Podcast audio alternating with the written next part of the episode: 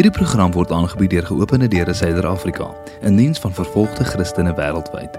Besoek opendoors.org.za vir meer inligting oor hoe jy ons geloofsfamilie vandag kan bystaan en ondersteun. Jy luister na die lewe begin op 30, 'n potsending vir dertigers, aangebied deur Jan die Gray.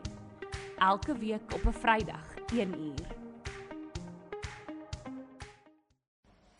Goeiemôre, môre, môre, gelukkige nuwe dag. Ek hoop dit gaan verskriklik goed met elkeen van julle. Vandag wil ek gesels oor iets wat baie hard op my hart druk vir al die laaste paar weke. Dit 'n paar keer opgekom in gesprekke en ehm um, plekke wat ek dinge wat ek gelees het. So vandag wil ek gesels oor identiteit. Waar lê jou identiteit? En ek wil regtig nou daai vraag vra voor ek enigiets verder sê. So ek vra jou nou wie is jy? Waar lê jou identiteit? sien jy jouself as 'n ma, dit is jou identiteit of as 'n 'n werkgewer, dit is jou identiteit of as 'n professionele golfspeler, Dit is jou identiteit. Antwoord gou daai vraag vir jouself. Genesis 1:27 sê God het mense geskep na sy beeld. Volgens sy eie beeld het God hulle geskep. Manlik en vroulik het hy hulle geskep. Met ander woorde, ons identiteit is in wie Jesus is wie jy is in Jesus en wat hy vir jou gedoen het. Dit is wie jy is. Ons is gebore met 'n identiteit en daai identiteit is in God. Maar dan word ons groter en ons word beïnvloed en ons laat toe dat die wêreld ons beïnvloed en ons raak en en ons ander stories kom vertel van wie ons moet wees dan soek ons ons hele lewe lank na onsself. Ons soek ons hele lewe lank na hierdie identiteit waar ons gemaklik kan wees en waar ons net uiteindelik kan wees wie ons is. Maar ons vind nooit daai satisfaksie nie want jou identiteit is nie daar buite nie. Jou identiteit is hier binne, by jou alreeds. Die wêreld sê vir jou wie jy moet wees, maar Jesus sê vir jou wie jy is. En die enigste, maar enigste manier hoe ons werklik ons identiteit gaan vind is deur bitter baie tyd saam met die Here en saam met sy woord. Ons identiteit lê dus in die verhouding met die Here en die roeping waarvoor hy jou aangestel het. Maar ons gaan dit nie weet as ons tyd met hom spandeer nie.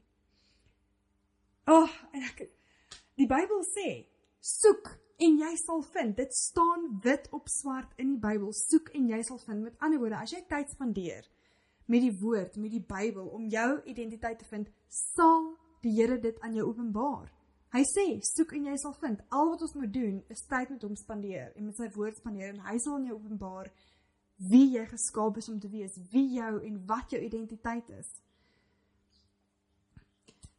Die sware waarheid is dat die dinge of mense of verhoudinge wat vir ons die waardevolste is, kan ons die hardste breek of die meeste vernietig. As jou identiteit in jou huwelik lê, as as jy jouself sien as jou man se vrou, dit is wie jy is. En ongelukkig kom jy op 'n dag tot op skei of iets gebeur met jou man maar jou identiteit was in jou huwelik, wat het jy oor? Dan is jy heeltemal gebreek. As jou identiteit in jou werk lê, jy's 'n absolute workaholic, jy werk elke minuut van elke dag om jou werk en jou besigheid 'n sukses te maak en jy dink dit is wie jy is. Jy is daai besigheidsvrou of daai besigheidsman. En jy verloor jou werk. Wat het jy dan oor? As jy jouself sien as 'n ma. Dit is jou identiteit. En iets gebeur met jou kinders. Wat het jy oor? Dan verloor jy nie net jou kinders nie, maar jy verloor jouself ook. So, kom ek vra jou so. dink aan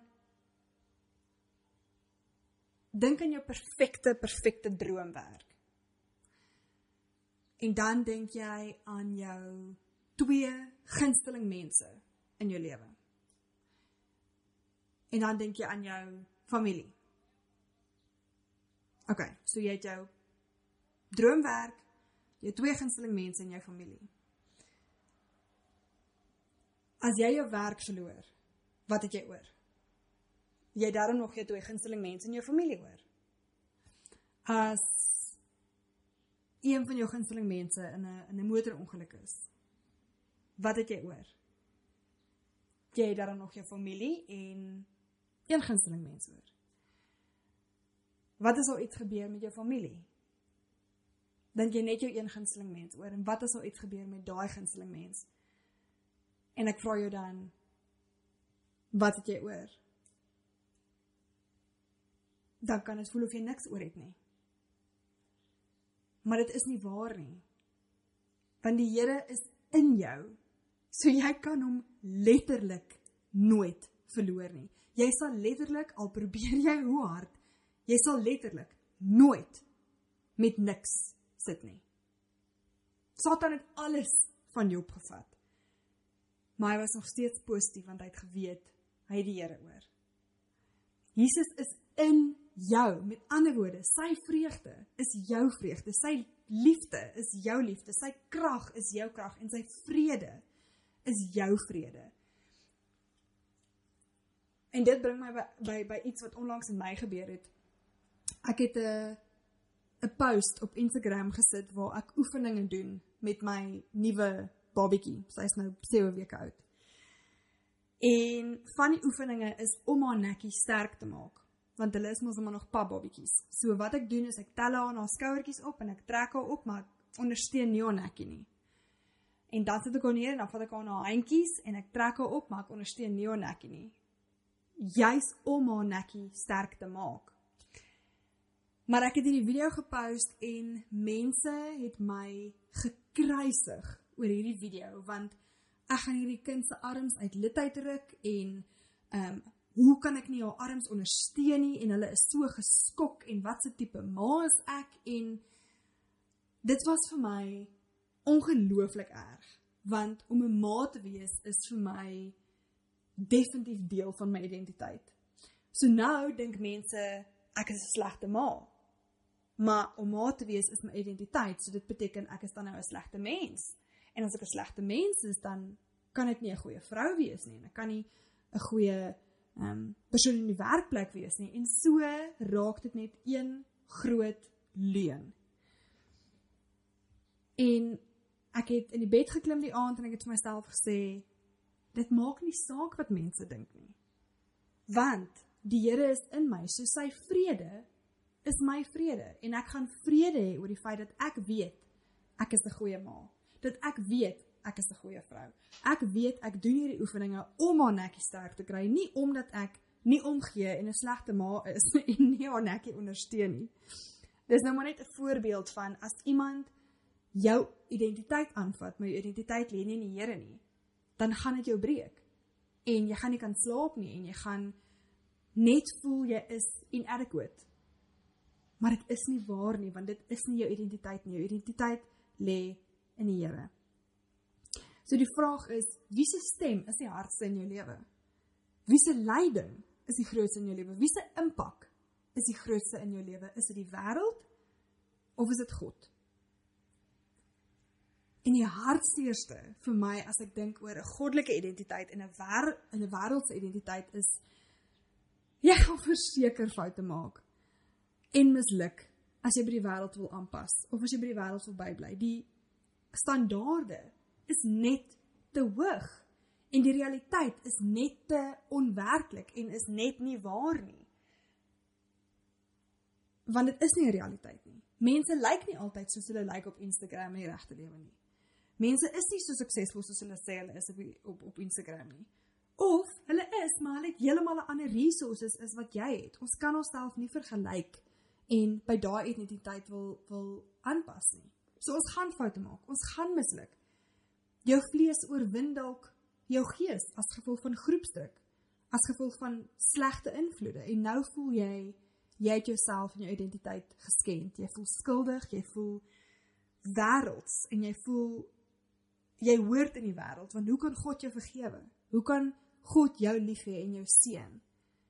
Want jy plaas nou jou identiteit in jou foute. Maar God sê niks, niks wat jy doen kan jou skei van hom nie. Hy het sy lewe gegee vir jou. God het sy seun se lewe gegee vir jou. En hy sê vir jou, dit maak nie saak wat jy gedoen het nie. 5 Korintiërs 5:17 sê daarom iemand wat een is met Christus is 'n nuwe skepping. Die ou dinge is verby, die nuwe is hier. So nou gaan ek jou weer vra. Wie is jy? Waar lê jou identiteit? En ek hoop as jou antwoord aan die begin van die potsending was ek is 'n vrou, ek is 'n ma, ek is 'n werkgewer, ek is 'n swemmer, ek is 'n kunstenaar. As dit jou antwoord was, hoop ek dat jou antwoord nou gaan verander. En dat ons weet ons is 'n vrou, ons is 'n vrou van God. Dit is waar ons identiteit moet lê. Ek hoop jy kry vandag tyd om regtig kwaliteit tyd met die Here en met die Bybel te spandeer en om jou identiteit te vind wat die Here jou geskaap het om te wees en wie die Here jou geskaap het om te wees. Want hoe ongelooflik wonderlik sal dit wees om te voel ek weet wie ek is en ek hoef nie meer te soek nie. Ons kan nog groei, ons kan ontwikkel, ons kan leer. Maar dit gaan ons net bevorder want ons weet reeds wie ons is. Mag julle 'n besonderse geseënde dag verder hê. Dankie dat jy geluister het na die lewe begin op 30, 'n potsending vir dertigers. Jy kan volgende week weer saam luister na die Handy Gray. Vrydag 1uur. Die is Helen se storie. Sy is 32 maande in 'n skeepsvraghouer aangehou. Sy is gemartel, gevra om haar geloof te versaak, maar sy kon nie. Ons broers en susters is steeds opgesluit. Terwyl ons sing, word hulle stil gemaak. Ons is vry, hulle is geboei. Ons kan meer doen. Ons kan bid. Ons kan ondersteun. Jou geskenk aan geopende deure vandag kan vervolgde Christene in die gevaarlikste lande bystaan. SMS geloof na 43699 om vandag te skenk of besoek opendoors.org.za.